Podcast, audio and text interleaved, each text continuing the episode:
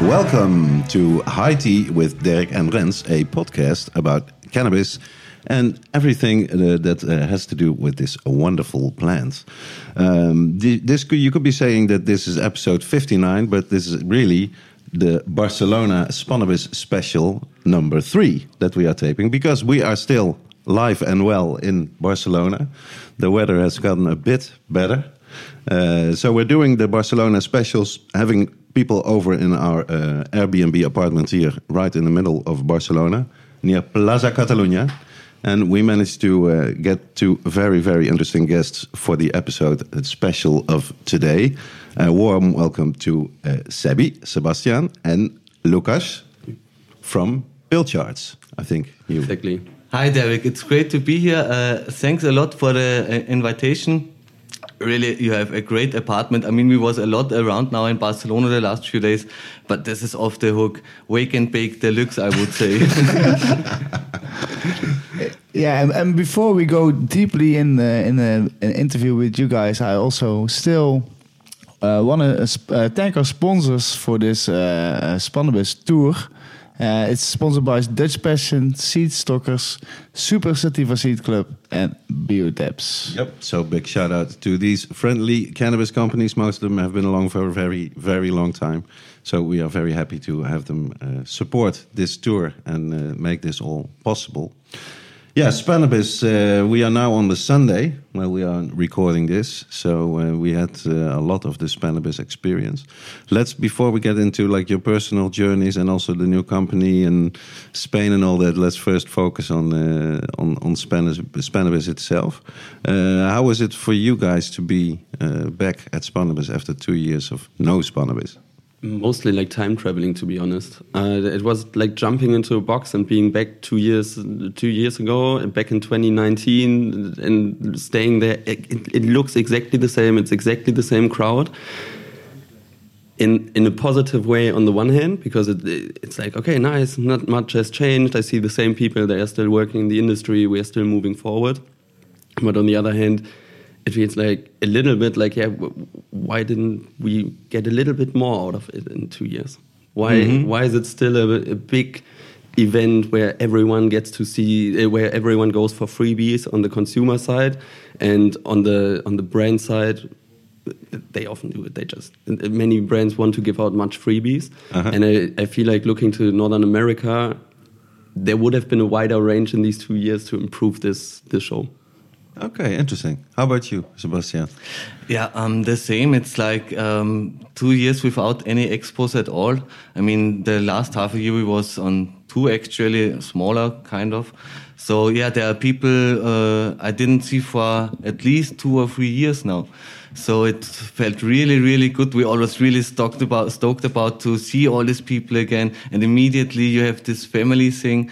Um, another big thing for me personal uh, was, of course, now we are here the first time with our new company. Mm -hmm. So it was also like we was really looking forward to this. We started uh, when all this Corona, um, yeah, madness happens. So you know it in our branch, the expos are really important to meet up with guys. It's always better to talk in person than just on the phone. So yeah, we was looking forward to this expo so much, and yeah, you could see it Thursday evening. I arrived, guys already waiting for me. Best menu ever. Went to the next uh, uh, club, so I really enjoy my time here. Derek, it's the same with you. I think we saw us the last time in 2018 or something. Yep. So yeah, time flies, and yeah, I'm I'm really great uh, grateful to be here again. How, about, how about you, uh, Rens? How, how was your I, I remember that you went on Friday to the Spannabis, and then in the evening you said, "Wow, similar to what you said. It's not so, you know, it's the same, same. It's in like traveling time machine. I'm not going tomorrow, but then yesterday you did go all, all day again. yeah, although it's improved a little bit uh, with the size, they changed a little bit and they put a different kind of uh, tent or how you say it uh, in in the middle of it. Uh, but indeed, it, it was like that. It's it felt like that I'm walking like in an expo three years ago Uh-huh.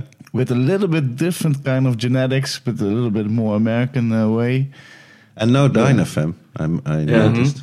That was something for me. I was going through the booklet. Wow, are they not here at all? No, they're not.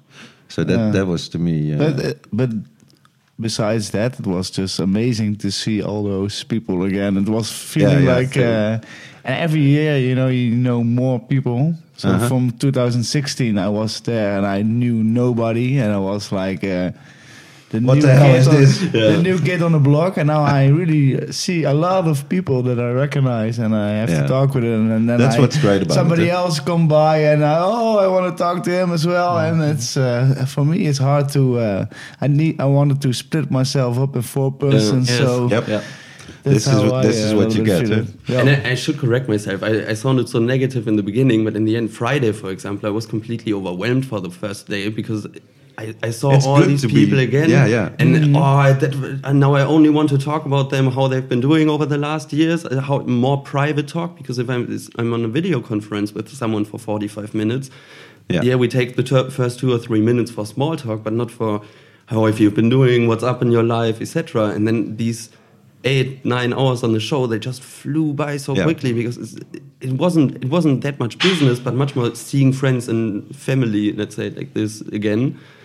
And it, it, it's it's super super super nice. Yeah, very true. Yeah, for me, it's the first time I've been also coming here for years. Of course, it's the first time I brought my wife, who is actually on the table, being very silent, our one-person uh, audience. So that to me is a, a very nice extra di- dimension, of course, because she knows so many people in the industry, but has never gone to Spannabis because well, maybe she thought it was a bit much. But up till now, I think she's having a, a good time.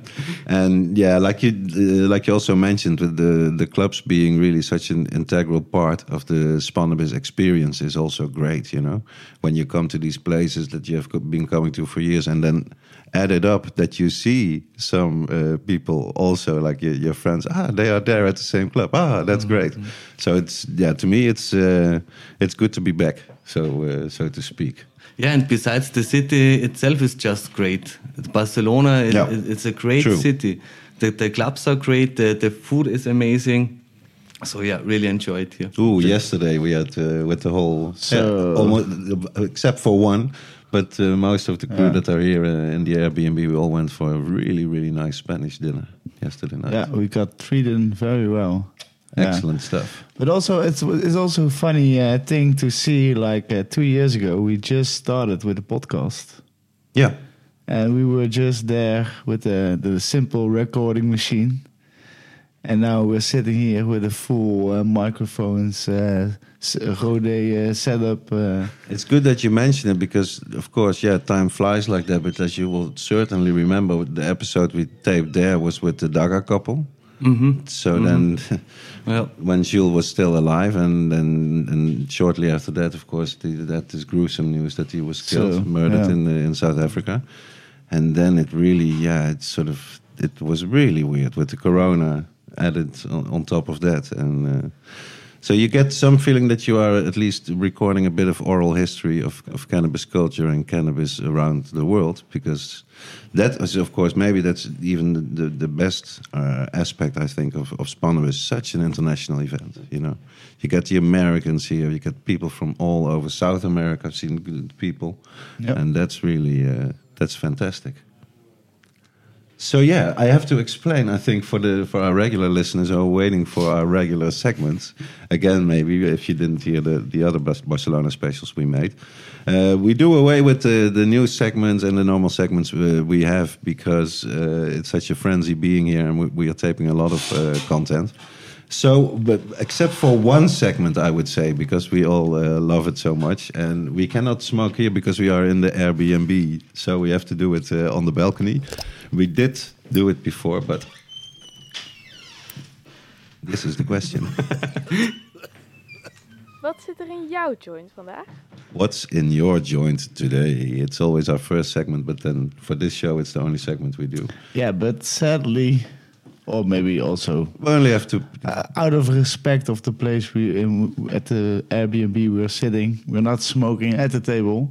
So, but it's a good question. What did we smoked before? Uh, yeah, what we, was uh, in your get- joint today? Maybe you go, you you rolled it. You know what was inside.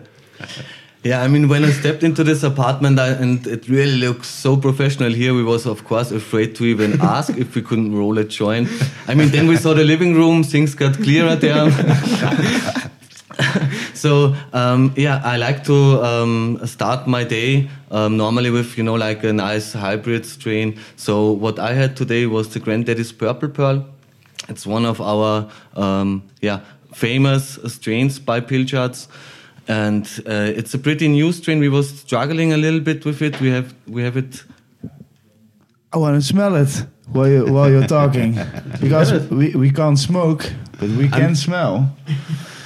If somebody is is, is somebody I don't have it. Yeah. Oh, we can we can put them on break to get it. Hold on. So yeah, I passed the podcast forward. That's the power of the podcast. We can do that. But uh, in the meanwhile, uh, they Sebastian run. They run Get to the the other side of the room and get this nice uh, flower you were going to talk about. And I was so curious. What? Yeah. Tell It's called me. uh, Granddaddy Pearl.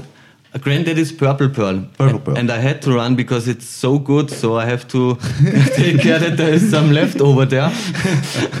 no, I'm just kidding. Um, Granddaddy's Purple, I mean, everybody of you guys know it. Um, it's quite a long strain on the market available. We was trying to find a really nice one out of this uh, all um, different versions, but it really took some time. And then we was like, but that one is really what we want for Pilchards. We tried it for many times. Always had some struggle. Okay, people, but already knows the name Granddaddy's Purple, so we come up with the Granddaddy's Purple Pearl and have now it's a nice gelato selection, but it's also mixed uh, with a French macaron. Okay. So it's quite a new thing. It's ava- available since Three months. three months. Yeah. So I'm pretty proud of that one. Yeah, and have a look. Have a look Yeah. on your. I have to say, it already looks fami- uh, super uh, fantastic. It, it became quite a wild mix by now because some of the clones were all, for the breeder, some of the clones were always struggling, and they kept on breeding with it and kept on breeding. And because it's still very similar to the original product, for us it's better to put out this under the name that people still know and remember than having a new strain every time and then people don't recognize it. But in the end, as long as you, we are very close to what was the original Purple Pearl, it works. But for us, it's really important that we have quality product, that we have quality seeds and genetics available, that, that don't hurt me on everyone, that don't give you stress, stressful times. And when there were problems, we had to talk to the producer and tell them, guys, we need this product to be improved. We have to struggle with this. Many customers have told us about this. So we need you to, to keep on developing, and they, they're still working on it. How about you, uh, Rens? What was in your joint? This uh, I was smoke. I, I, I, I, I can be honest. I haven't rolled a joint uh, yet today. Just participating in others. But, but uh, what what you mentioned, there was already a little hot box uh, going uh, down uh, in the other room. But um, I was smoking a little bit from uh, my friend's joint. It was biscotti with a with a little. Um, like a, a mayonnaise uh, clover of uh, of the Zizi. Uh, I, I don't think our English listeners will understand a bit of what you say. Uh, No, mayonnaise yeah. klodder. I What do you mean? I, I put a little. They put a little donut in it. Okay. Maybe let's say it like this from the ZZ uh, live resin. I don't think uh, all of our listeners will know what you mean by having a donut in the wheat. Explain. Why we didn't get to try the rosé? Yeah, that's a good question. Uh, that's a good one. Now it's um, uh, my friend from Loom Extracts, Ah. which is also sleeping in this uh, beautiful Airbnb. He made some uh, live resin, some BHO from uh, some uh, of his, um, um, like say, uh, I say like trimming Uh-huh. um, product. He made some nice BHO from the ZZ. And I have to say, it's one of the best BHO I ever smelled. Like the ZZ, the Skittles from uh, Karma Genetics is really like uh, slamming your in your nose when you try to smell it, you know. And with the Karma is also staying in his Airbnb. Friend of the show. yeah, also yeah, it's a nice. we have multiple uh, multiple legends in the house, Yeah. including my wife, of course. especially your wife, of course. No, but uh, it was a, a wonderful mix of the biscotti But the with biscotti the you, you got yesterday at I got uh, it's from the Terps Terps, Army. Army. Yes. Yeah. Also, shout out to our friends from Terps Army. We were yeah, there yesterday, and it was also super nice because I've been there in the COVID times uh, like three times, and it Uh-huh. was like almost empty. Few guests Wow. guests in the time, but it was like not allowed to sit down. So you were in a huge social club without anybody. And then yesterday I finally stepped in. It was like no place for us to sit. True. So we were like standing there and enjoying like the the the, the crowd. But then it was time to move on because uh, we were so tired. We walked the whole day on Spannabis and your feet is hurting and you just want to sit down and smoke a joint. yeah, and uh, yeah, of course we we ate so much. We were also like having a full belly. And at the end, we were rolling. We were rolling to our uh, apartment back.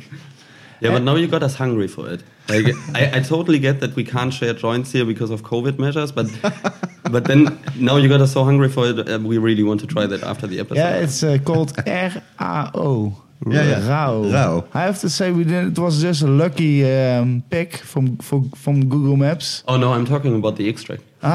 Ah, oh well, uh, you, I, I, I have my. Uh, We have we have also always the before sesh and then also the after sesh. Okay, perfect. Yeah, perfect. so- then While we're, don't worry. while we're here in oh, it's already don't so worry. long. Oh, we need to wrap up, uh, guys. Uh, we need to. Uh, no, no, no. We, we're gonna do the ZZ after this podcast. And you, Derek, what did you smoke? Uh, for me, it was like uh, kind of hard. All these nice strains that you want to uh, smoke separately, but like you, I uh, quit the tobacco, of course, last year in uh, in July. Still not using any tobacco at all for nothing, uh, smoking pure. So then.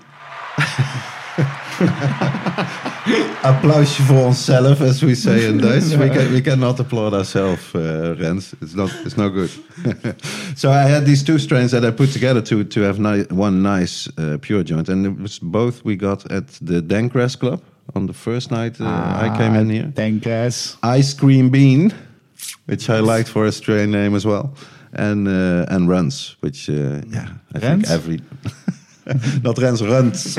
Ah. I think every every weed smoker likes Rens, don't you? Uh, don't you think? Yeah, I think uh, Rens is. Uh, If it's that close to Rens, it's, it's gotta be good. The, one of the best strains, I think. Of the, it's always. Uh, Yeah, so I uh, yeah I mixed those up about half half, and uh, it made made for a nice wake and bake yep. this morning. So we all got a little bit baked, and uh, so we're sitting here. Can you tell us a little bit from your backstory how you get into the cannabis industry? Yeah, um, I'm working for the cannabis, well, in the cannabis branch almost 12 years now. Um, I used to work before at a really small uh, grow shop, then moved on to another. We built up a really big one that time. I think it was 2012, 2013. After four years and at that um, shop, the um, boss, the the owner, uh, offered me to build another shop in another town because it, it was really going well. So I was like, yeah, why not? So I went to another town. We make another um, um, grow shop. Really, This a was, this huge was. Salzburg, I think. Eh? Then, then it was Salzburg, Yeah, yeah. exactly. Before I was in Upper Austria in Linz. Then I'm, I went to Salzburg. Yeah, but to be honest, after 10 years at, um, at yeah, in, in, in a grow shop selling all these products, never get the chance to, to travel, uh, always had this vision of my own seed bank in, in my head. Yeah, and then COVID come up. And that was then so the, the point where we was both like, hey, it's, it's of course it's a, a tricky time, but it's definitely not the time to, um, yeah, get get depressed or, or just be like, um, yeah, in this in this sad modus. So we decided, hey, now it's the time to to start things, to to yeah, build the brand, and that's how we started. And like you said, you were in Portugal uh, at the time. But if we take uh, a step back for you, uh, how when did first time cannabis come into your life? Really, as a as a more as a young guy. Um, well, with 15, I had my first joint, I I guess, Uh-huh. and it wasn't that much of a pleasurable experience. And to be honest, I was always really afraid because I had seen myself with cigarettes early on, and I knew, okay, if I do something, then it probably I tend to to do it quite a lot. And uh, with alcohol back then, I saw the same thing as a young teenager, and I was always struggling really heavily with alcohol, not in an addictive way, but when I when I got drunk, I, I was full on wasted. And the German kid you don't want to have as your kid, and aggressive, annoying, and uh, Uh-huh. and then when I was 19, 20, I started smoking with my friends, and suddenly. I was a really nice person and I really enjoyed walking around and having good times and people told me like man you are you are much more chill and easy to be with when you're not drunk and maybe weed is better for you and then Uh-huh. at some point some of my best friends literally told me like man quit alcohol just don't do it Yeah, yeah. anymore we don't like you when you are wasted and then at, at some point with like 20 uh, I, I said okay then no more alcohol. I will not do anything for a while. Started smoking weed after one year and that really really helped me and it calmed me down and allowed me to focus more on my personal goals in life and where i actually wanted to go. And around the same time uh, colorado and washington legalized. And for me that came totally out of the blue. I didn't know okay, in the US, there are any serious efforts to, to legalize cannabis, and suddenly that topic was out. I had grown up next to the Dutch border, so I already knew coffee shops, and I knew I, I never went to a dealer in Germany. I would just go on to, the, to Okay. the other side of the border, travel to Nijmegen. The, the and- Yeah, exactly. set. and then uh, back over the border. That's for the people who don't know uh, this coffee shop, Kronkel. Yeah, it's one of the, it's the biggest, I would say, and one of the oldest in Nijmegen. Yeah, and it's beautiful. Yeah. Like Kronkel, Yeah, yeah. In, in the whole of Netherlands, in all coffee shops I've been to, Kronkel is definitely in the top three. It's such a beautiful store, and they, they have downstairs, they have a nice restaurant where you can actually eat something, where you get the best milkshakes ever in a cannabis environment. You go upstairs in summer, they have this rooftop terrace where you can sit and smoke, and it's, it's beautiful. Yep. So shout out to those uh, the fine people Definitely. of Kronkel in Nijmegen. Definitely. And then uh, back then, I I started thinking about okay, I would like to work with cannabis, but I was working in a German company doing an apprenticeship, so you work and go to school at the same time. It was a very traditional industry environment, and no one was talking about cannabis there. And uh, when I went to university in Amsterdam, things became more clear again, and, and I was like, okay, maybe there's some potential. Then I studied in San Diego, and got What did you study? international business management. Okay. So I, I always had this business background. I don't have a science or plant science background, but I knew okay, with business you can do something with cannabis eventually. I was working in Bluebird coffee shop in Amsterdam for a couple of months, but when I went to California, things were entirely different. Like you would go into a dispensary and people would ask you, "Hey, how are you doing today, Lucas?" I was like, okay, why do you know my name already? And yeah, hey, we have 32 different strains here. These ones have more of a balanced terpene profile. This one is a 1-1 CBD THC genetic. And this one is very potent in myrcene uh, terpenes. So it would, will probably have more of a sedating effect on you. And I was... Not, not the kind of talk you get from a bartender tender in You, won't, you Amsterdam. won't get higher stoned. do you want one gram or five bag? yeah. Five gram? Okay, take this one. You want to pay cash or you want to pay with card? Do you want amnesia or amnesia? And then, I- then I called my parents and was like, okay, guys, I- honestly, I really want to work with cannabis. Here, it's already 10 years ahead of Europe. And the Promised land. yeah, and then they, they helped me to go to an investors meeting in uh, Portland, Oregon, where cannabis investors and entrepreneurs came together, and I just helped as a staffer. So I would I would be the one drink, bringing out drinks in between, and then I could go to the networking event after for free. Okay. And from out there, I, I started building a network in the US. And then when this team came to the Germany, uh, to Spain for one show, while I was doing an internship here a year later, I met my first boss and started working in Seeds, the suit directly after the university, and traveled all over Northern America, Europe, South Africa, Israel to sell seeds for a couple of years.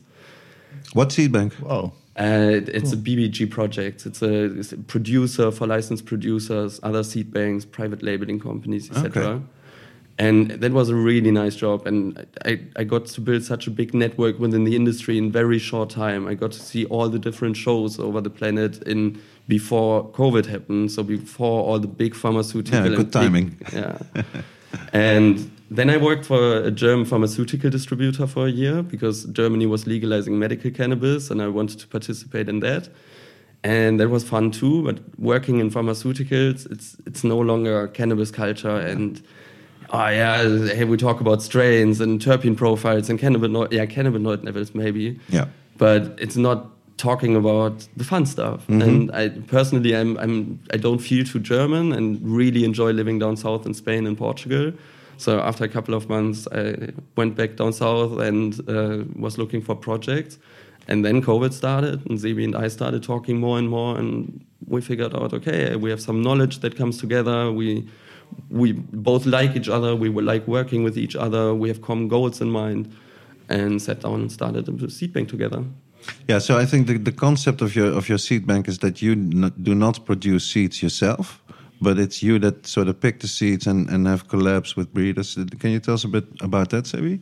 Exactly, that's uh, exactly what we're doing in the moment. We want to support small breeders because also the relationship between Lucas and me, it's like, I mean, I'm growing half of my life. I'm getting 33 now. I started to plant my, fir- uh, my first cannabis yeah, with 16. So I have the knowledge about the plant, about the growing, but I don't have any knowledge about business. Then one, one day. That's not true. You're a great salesman, for example. Thanks. but then one day Lucas come up and told me, yeah, but there, it's not only you who don't have this knowledge. Think about all these really good breeders. They are artists, but they don't know how to. I mean, to be honest, most. Uh, on my own, I know people who are really great in what they're doing, but with all the smoking, they are not able to go to some meetings. They're not able to um, bring their product on the market like True. properly, like Yeah, yeah, properly yeah. even if they have the good quality stuff. And that's where exactly where we step in. So we figured out some process how we can test all these strains. What's what's our strains which um, we or, or, or which follow us over the last years. And we have this huge network uh, from growers, from breeders, from producers. So I have my people who I trust, and I give them the strains. So and I know that when they tell me it's a good one, I can trust them. We grow it on our own as well. If it's in common, okay, then it's like okay, that one we give a better try. On the other side, we only uh, offer seven strains right now because it all takes time. So other seed banks, I know they have 20, 25, 15,000 strains. We Yeah. cannot do that. But we can promise that all of these seven strains are pure fire. Okay, yeah, that's a good concept. Yeah, and it's private labeling is very fast spread in every industry, and in cannabis it's the same. And it's in, in medical markets we we white label flower or extracts, and one big producer sells to several distributors that all develop their brand. It's the same with vaporizers; they come from big Asian producers, and then p- companies put their brand on top of it and say it's our product. Yep. And that happens in seeds too, and everyone knows about it. And uh, many, many people uh, expect. Uh, then there's this romantic idea of, yeah, we have one strain that's made by one breeder, but some, suddenly all the seed banks have the same or Uh-huh. similar strains after uh, one or two years eventually. And it's very, it's getting very difficult to identify who has good strains and where are they actually good then on top of that comes that seeds change in quality or mother plants change in quality. So eventually, if you have a good mother plant, but you have an energy breakout for a couple of uh, fallout for a couple of days, suddenly this mother plant is dead, and therefore it's getting really, really difficult to identify what what seed bank, what strain is really good. And with our concept, we are super flexible to work with everyone as long as there's quality and as long as we know, okay, this is good stuff, then we always need to retest it. We always need to check is it still good quality because it could degrade. And that's our job to test these genetics, and then people can communicate with us. They can ask us questions directly. They can talk to us, and we identify hey, what genetic is good for you. What do you actually want to achieve, and help them finding the best genetic they want to. Plus, we have Pilchards where they know these seven genetics. They come from Lucas and Sebi. They have tested them so much, they, they can tell me everything about it. And then they know, okay, Pilchards, is fire stuff. Uh-huh. Because tell us a bit more about the uh, the, the name. and, and, and also the visual that you use for, for the marketing. How did you come up with that? pilchard, is- a pilchard is another word for sardine and uh, small fish. It's mostly used in uh, South Africa and I think Australia as well. So over there, it works out really, really well because people get the joke about it. They get okay, it's- caviar doesn't come from a sardine. It's cannabis caviar. Caviar seed. Okay, that's, we are playing with words there but it's it's difficult in Europe, and we need to explain people that much more. And that's why it's great that we can travel again, that we meet people in person, Uh-huh. because otherwise they get this impression, oh yeah, it's caviar, that's the finest and most luxury stuff. And okay, now you listeners can't look at us, but if they look at a picture of us, they will see, okay, Sebi and Lucas, those guys are not the caviar kind of guys who walk around in most you don't eat suits. caviar for breakfast. Exactly. but for us, quality product and Uh-huh. high quality cannabis is really important. And therefore, cannabis caviar is a thing that we want to promote. For us, Pilchards Caviar is a brand that represents quality on the one hand and cannabis lifestyle that promotes being active, breaking the stereotype, going out there and living a, and, and enjoying a really nice life. Uh-huh. Also, back in my days in, at the grow shop or back in my days in Austria, I had a lot of projects um, where the, the, they need people need a lot of seeds. When you have um, a grower who really is into seeds and maybe wants to pick up, maybe wants to work with seeds, you need a lot of them. And I really could see that the quality it went down, down, down. Another as, yeah, all this this hermies, all these bananas in the new strains. That's Yep. also something I can't stand it. I, I really can't stand it. Um, But you can smell it. I can I can smell it. Yeah, we, we had quite a few nice experience with that one. he, he literally smells seeds before they before you see them. So he, when someone opens a glass and, uh, and Sebi is like, uh, and you can already see, okay, probably he smelled it again. And when there's hermaphrodite in it, Uh-huh. he goes through it and it's like, no, no, no, there's something inside. And I'm like, nah, come on, man, it's fine. We smoked five grams of it. It's fine. That has been not. And there it is. There's the seed. I don't know how you do it, but you smell it. Oh, also, when we moved to Spain to Galicia uh, and we went into the first social clubs, it was also like the the bartender, of course, no man, no man, I don't smell it. And then we was picking it up, and then he said, ah, okay, yeah, sorry, man. Yeah, because tell us a bit more about uh, about that. How why did you choose uh, Galicia as a base to go? Because you were living before in Portugal, you you said, and you were still back in Austria, of course. So why there? Um, to be honest, Sebi did me a great favor by moving there because for me, it's one of the most important factors in life is that I lived next to an ocean where I can surf. And Portugal is the best destination in Europe to do so. okay, so that's why you were there. Yeah. yeah, and it's it's my home by now. I really really love it. It's such a calm and chill place with easygoing people, and as a consumer, really nice cannabis laws. As soon as you go into growing, it gets hell, and they the, the cops there go started going after people with one or two plants, and then they listen to their phones for three months and go out. Oh yeah, we seized two plants here, and after three months investigations, it's ridiculous by now.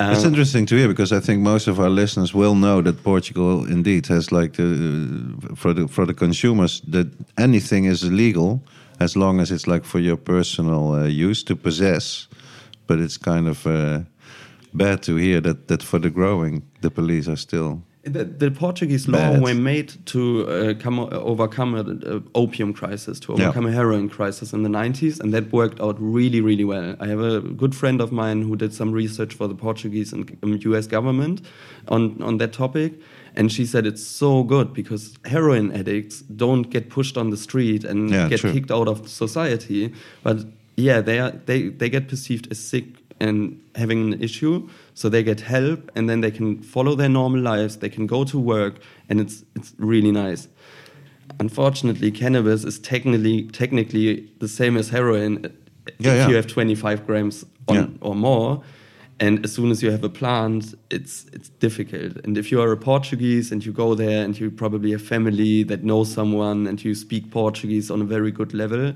if you have one plant you most likely would get out of it without a problem But but how do you get weed like as a consumer if you don't grow? Because I know You- clubs. You, need to you know, need to know people. A grower. Yeah, you need to know people who then sell you flower. Otherwise, you get hash.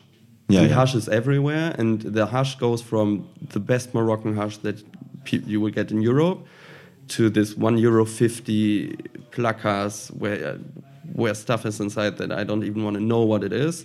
But many Portuguese kids who are 20, early 20s, they want to save money because it's a low income country compared to other countries in And Europe buy this shitty hash. they buy this shitty Yeah. hash and it, they are many of them get super unmotivated and they are like oh hmm, no i don't want to do stuff and that's not i feel sorry for them because i know if they had the money to buy proper cannabis they could really enjoy Uh-huh. that and instead they need they get forced to consume this this weird stuff You And hear the same about France, really. That that it's very much easier always to get hash and cheaper to get hash, and that uh, the flower is it's, it's much harder. Yeah. The runners, they are called in, in French, where then just like this colonne of cars comes from uh, Morocco, and then you have the really fast cars in front and in the back. So they're driving like crazy, and if there's the police on the streets, of course they go after the, the crazy drivers. So yeah, yeah, it's like, uh, oh yeah, yeah. France is, is really It's a bad smart trick. because also when you think about the law in, in, in France, I mean, for a smoker, it's really tough there. But still, France is like the most smokers in Europe. Yeah, Yeah. true. They're number one. Yeah. As we are doing a small uh, round of European uh, drug policy and cannabis policy, anyway, I wanted to get to get to this because I think it's so, in a way, it's so funny, but it's also logical that uh, in the Austrian drug law you can uh, maybe explain it. The only, as long as a cannabis plant is not flowering, then it's legal. Um, no, that's not true. Um, Ah. it, it's, it, the flowering is not the problem, Derek. We all do it for the flowering. The problem is when you cut the flower, because then you turn from the nice little gardener to this Pablo Escobar kind of badass. Yeah, yeah it's, it's really like, the, the law in Austria is really like that. But of course, when the police comes to your place, they see the plants, even if they're just in the um, growing uh, in the uh, veg Uh huh. um, they will think like, hey, you are be the, the big drug dealer over here, and, and you will get problems. But in But the end, so how so how is it possible that clones are legal to, to produce and to sell? because uh, the police has to, um, they have to find something that you are really like the drug dealer. When you just buy them for a nice, um, yeah, for a nice time with a flower, it's no problem. But when you cut them, they find maybe a baggie, maybe they find a, a smoked joint, then you get in trouble. And say if you put it in your garden and you grow it just out outdoor like any fl- any flower, really, then they then they would be okay with it. Of course, they, they want to come after you, but in Austria there are a few guys who played this game, and the police knows them already, and they let it be. In in the winter, it, it's breaking down anyway. So yeah, Okay. also that I noticed. Uh, actually, an old friend of mine, he used to have a grow shop as well. Uh, then he started to sell clones uh, because it's legal. Yeah. Police come, had a big raid, you know, but he, he didn't cut it for the police. So the police had to cut it on their own. You made something illegal, Mr. Police Officer. you are the one who cutting the flower right now. of course, in the end, you always pay off. It, it, it, it's, doesn't, it's, it's not worth it, all the fight. But yeah, that's the weird law in Austria. And then Lucas uh, promised me this kind of, hey, you will like it in Spain. There's a much nicer uh, culture about the cannabis. I mean, I knew it already from Barcelona, but what's happening in Spain for, for me as an Austrian guy, I don't, I, I'm not the one who everybody looks at on the street anymore. I can Yeah, go there yeah, like yeah. this normal, I can live my life normally. If I'm smoking somewhere and it's not appreciated, I will stop immediately, no problem. But also, I can smoke at home and not someone is swinging at the Uh-huh. clock, you know. And in Austria, it was like, "Is it police?" It's very interesting that you say this because I, on our first Barcelona special that we did in Dutch, uh, we had on Jouke from Dutch Passion, who now is from uh, he's doing the seed Seed stockers, stockers, mhm. and he also said that that's one of the differences that he sees between the Spanish and the Dutch scene, and it's really shameful for us being Dutch is that he says. It's so much more socially accepted in Spain. If you're working in cannabis, if you smoke cannabis, you don't have to hide it. He, he, he really literally explained a lot of people that he knows he, he would never say back in the Netherlands that he smoked weed because he know what kind of a negative reaction he gets, you know. Mm-hmm. And in Spain he doesn't. And then uh, yeah, it's it's good to hear that you feel it the same way. And that's increasing so quickly in Portugal lately because I moved there in 2017 And back then, it was still very much you smoke cannabis, so yeah, you're a drug addict. Personally, I didn't care. I'm I lived there for the beach and for surfing, so that's it. But for many of Portuguese friends of mine, they told me like, "Nah, I can't talk about that at home." And hmm. then in 2018, they implemented the new legislation allowing for medical production, hmm. and suddenly Portuguese heard all over the news. Oh true. yeah, Tilray is investing 40 million here, and another company is investing 30 million here, and and now cannabis is a big business model there, and suddenly even older parent age people start talking about, oh yeah, we should legalize before Germany legalizes because then we can export there, and that would be really good business for us. And talking, for example, my girlfriend is Portuguese, and talking to her dad about that at first I was like, okay, maybe I should be careful. And he's, he's super interested and okay, now that's interesting. Oh yeah, exciting stuff. Oh, so cannabis, that's a big business model in future. Yeah, I used to work in pharmaceuticals. Maybe we can do something there. It's amazing how all these people are coming in. And that's that's that happened within two or three years now, and it's really impressive to see. Yeah. My first experience here in a social club in Galicia, it was like the we was having a nice chat with the people there, and then the question come, of course, and do you also grow? And I was like, no man, no, I have a seed bank.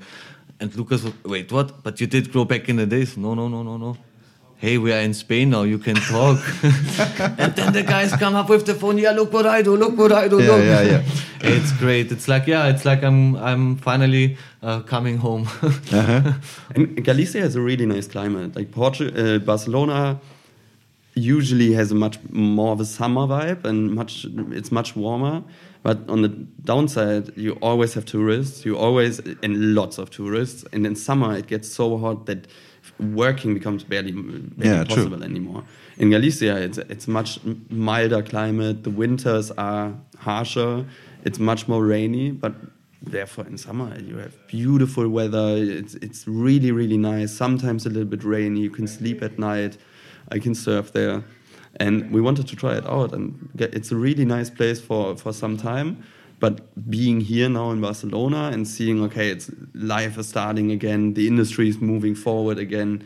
Yeah, pro- probably at some point we need to find some place here too, because Barcelona is the place in Europe to be right now for sure. Yeah, you would say the, the capital of cannabis for Europe. Yeah, for sure. Maybe Uh-huh. if Amsterdam unfortunately lost it years ago, and I'm, I'm I'm not too sure how it will develop here over the next years because looking around the city, there are always these Pablo Escobar's T-shirts and uh, these shops that just sell cocaine merchandise, and Yeah. people here are sick of it. They don't want it, and therefore the cops and the, the the authorities start working against it. So we need to be really careful in Barcelona not to destroy this this vibe. But At Spannabis, I actually saw like a nutrients company that has Narcos. It's like Yeah. Narcos nutrients. Oh, but that's know? that's still very mild. Then, then there are these T-shirts in these shops in downtown with these light symbols all over them, saying "Ah, shop, shop, shop here."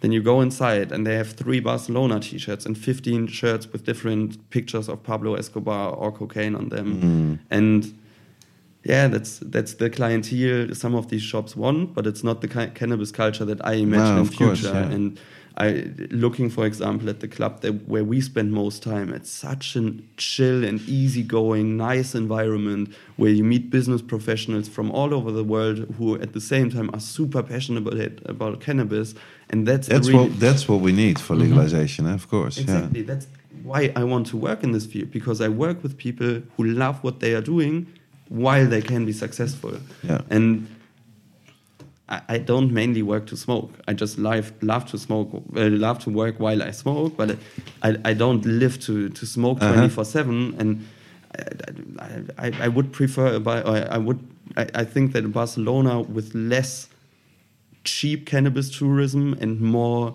a bit higher class and uh, with a little bit more etiquette would would benefit the city. But Derek, you seem to be a little bit surprised before. What do you think is the capital of weed right now? Because I, rem- because I remember 2013 it was it was my second time High Life Cup. Uh-huh. Of course I was stoked as, as hell. And then you was like, yeah, but why you don't go to Barcelona? And you said it to me like 2013 already that Barcelona is the place to be when you are like a smoker. Yeah, I, but it's it's interesting to hear it now. Amsterdam has lost it. I don't know if if it will ever be changed again. We of course in, in the Netherlands now have the weed experiment coming up, but it's been coming up for like four or five years already. And uh, I've been talking, of course, to uh, to some people here at Spannabis also that uh, are like in the weed experiment because they only have place for ten growers to do it. So I asked him, sort of half jokingly, uh, "So when can I buy this weed that you'll be making?" And uh, he said, "Somewhere in 2023." and that's more like leaving room for like more towards the end of 2023 and maybe we can get we can get back then because th- that's one thing about uh, Spain of course. It's all like uh, very much gray area. Yeah. and, and we've been talking about this also if you look at some of the clubs. I, I really like that sort of uh, squad kind of uh, vibe you know because I remember it from the 80s in the Netherlands. And I like it sort of alternative styling but then again you can also see it like for these people they uh, their future is uncertain you know and a lot of clubs that we used to go to and that I used to go to they are gone by now if you're sort of unlucky and you get uh, I don't know maybe the wrong kind of rate or you get into trouble and then your club's just gone this is no real solid foundation for uh, going forward into the future, you know. So, if we can regulate in the Netherlands and get real good wheat and clean wheat again in the shops, and the prices will be good, and we finally will roll it out, then I would say we are very much the basis, of course, of of the of the whole cannabis culture, and and this I, I learned especially from American activists before the things started changing in America that they said, please, please hold on in the Netherlands because you are the one country that proves if you sell cannabis in a shop, it's not it's not meaning that everybody will use cannabis every day. No, like we, we were always the proof of that. That you we have still moderate uh, use, like we sort of halfway uh, in cannabis use for Europe. And now finally, uh, countries are getting on board. But with Germany, for instance, I, I think it's super, super exciting and interesting. But also, yeah, they have to. How are they going to do it? What will the the Fachgeschäfte, as they call it in German, uh, look like? Can you can you consume inside? Will how will the regulations be? How long are they going to take before they have this this law? And then maybe, maybe if we uh, finally get our act together, we can get that place back again. So I would, uh, if you would really put a knife to my to my neck and, and say what is the cannabis capital of Europe, I would still, I, I would agree it's Barcelona. But uh, it it might change in the future, you know. Maybe it, it will be Berlin, you know, it, if they really uh, act fast and the activists get their way, sort of how they want to uh, want to see it because I also uh, bumped in, in at the fair uh, into uh, Dear Misha from Germany, very well known uh, activist.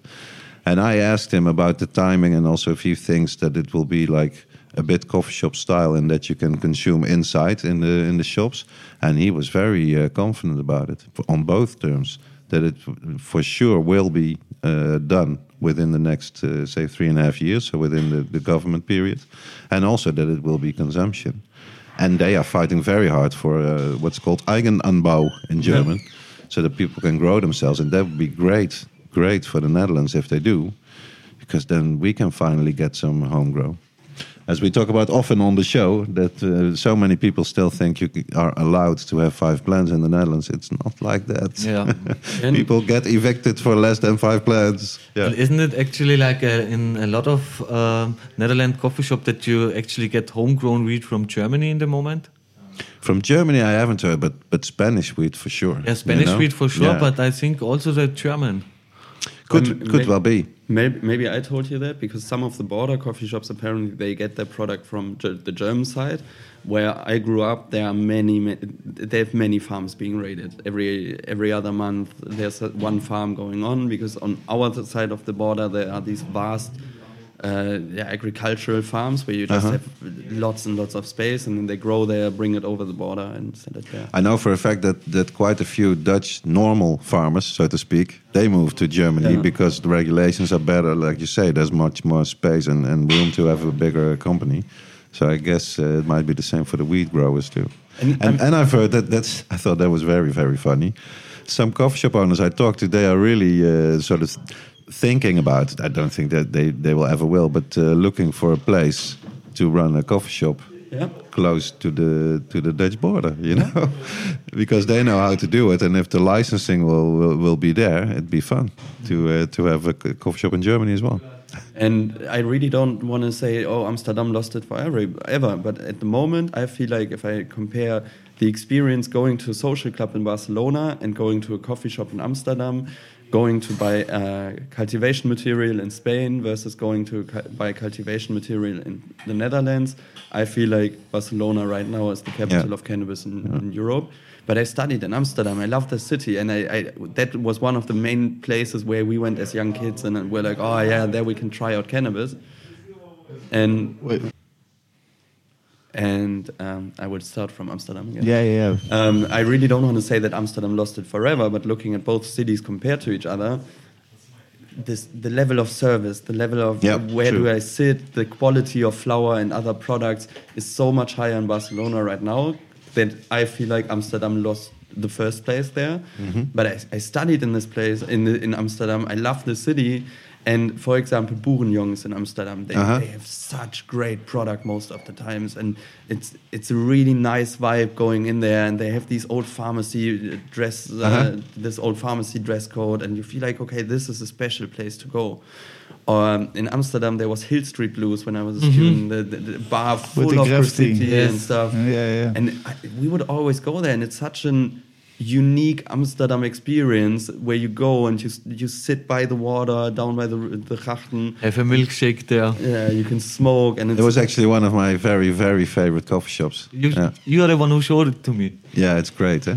I loved it. And it- I, I, and Dutch people are super innovative and they are great business people. So I feel like as soon as the Netherlands start taking a more relaxed approach again and a more professional approach in many cases, then uh, the Netherlands will be back on number one probably very quickly because then there will be big Dutch farmers who say, okay, now I don't grow only, only tulips, but now we grow cannabis as well. And Yep. suddenly the Netherlands will be on the map of cannabis much more again. And uh, the, the, looking at extraction facilities and all technological developments, the Netherlands are probably a, a really good hub to, for to get flower from all Uh-huh. over the world and then extract it and bring it to the to the rest of Europe. Berlin, I will, yeah, Berlin is a nice city and there's a lot of party experience and cannabis is a big part of the culture. But they need, they have a long way ahead of them to become anywhere close to a cannabis capital because Amsterdam and Barcelona have, have made such great progress over the last decades already. Uh-huh. There, I'm, I'm not sure about the situation in the moment, uh, but uh, you from time to time you hear about that they want to have the tourists out of Amsterdam. Yeah, true. It's still not off the table, you can say. And it's to, to a lot of Amsterdam people and also to voters of the, the party of the mayor. We have now, for the first time in the history of Amsterdam, and that's like 700 years, a female mayor. And she's from a party in Dutch GroenLinks, Green Left. Well, that, that's, that's supposed to be what it is. And actually, this is the first mayor to take this whole tourist ban seriously and say maybe we have to, to do this as well. So my analysis has, has been for a long time, but I don't know if it's uh, true like that, that she sort of expects a whole lot of conservative criticism, being a woman and being from Green Left. That she puts this out, saying we we, we can take any measure if, if we need to to have the better living climate in the center because that's what it's about. And uh, so I think that's what she uses it for because I can really not uh, understand. She studied criminology, this woman. She understands what will happen. She understands that the, the dealers will be on the streets. There are already the dealers on the streets as it is, selling hard drugs. But of course, if you ban the tourists from the coffee shops, it's a supermarket for anybody to be on the street and selling weed to the tourists. So I would say again, if you put a knife to my neck on that question, I would say they will, they will never try it. But uh, I did speak to uh, one of the people there on on the city council who wants to do this, and he basically said, "Well, I can imagine that you are right and that there will be a lot of dealing going on on the street if we introduce it, but then we can stop it. But at least then we try it and we know for sure that it worked like that." And this, if you think about it, what a crazy way to govern a city to sort of gamble and say, well, maybe we have a few months of extreme, uh, you know, dealing on the streets. So thi- maybe this is what actually will will happen in the end. That they will try it, and then uh, come back from it, like it happened before in other cities in the in the Netherlands, because mostly this tourist ban was only in the south, and then for uh, including my own city of Eindhoven, where they had it for I think two years, two and a half years, but then uh, stopped enforcing it because they could see we never had dealers on the street in my city, but yeah, it's it's becoming ever more an international city. So if you ban non-Dutch citizens from from the coffee shops, the dealers will be there. So to to give the very short answer to that, the rumors are true that you hear that they really talk about it and that there are really some parties in the city council that want to introduce this ban. But I don't think uh, they will introduce it like uh, permanently. If they would do it, it will be a trial period, and then they will find out how stupid it is to even start doing that.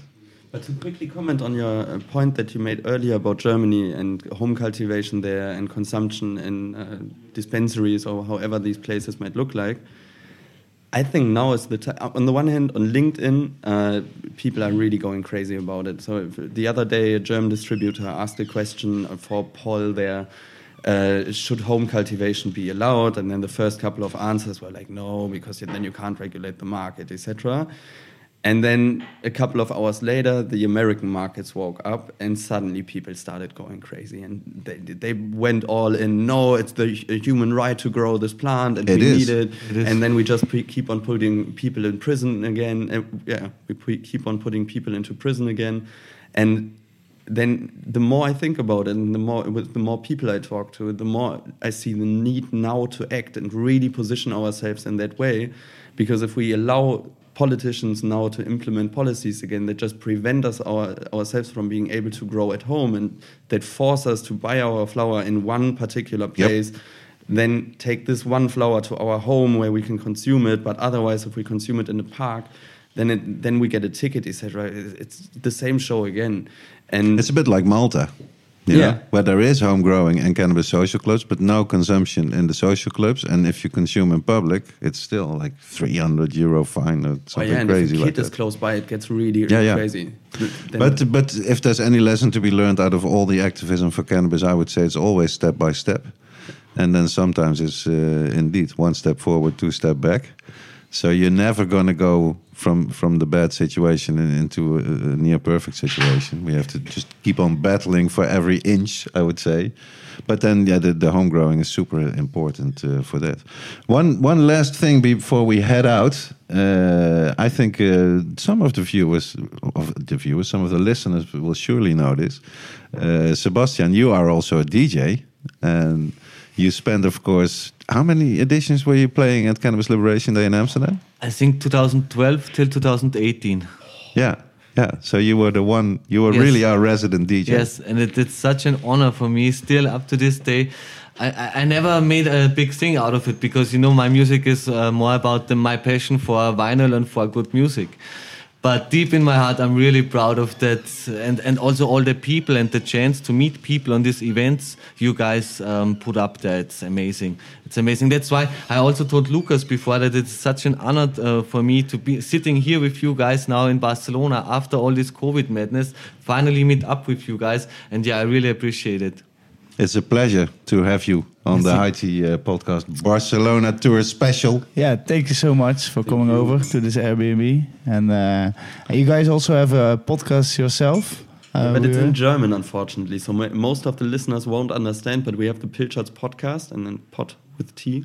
Ah, that's a good one. We have the same. So Yeah. uh, If you do want to buy weed, you have to you have to write it with a T. yeah, with we a will T. put the link um, down under Yeah. the Yeah, nice, thank description. Really nice And, uh, website, so be sure to check it out. All our listeners, really uh, great stuff. Yeah. Great stuff. I also still want to thank Dutch Passion, Seed Stockers, and Super Sativa Seed Club and Biotabs for sponsoring this episode again. And uh, thanks for all the listeners for this uh, for listening again. And Derek, thank you. Thank you, Rens, And, uh, for uh, doing all the technical shit Ah, it's uh, quite well it's- it's for this episode. It's lovely. I try to do it as best as possible. And But, we'll uh, see you on the next episode of the High Tea Podcast. See you. Houdoe. Houdoe.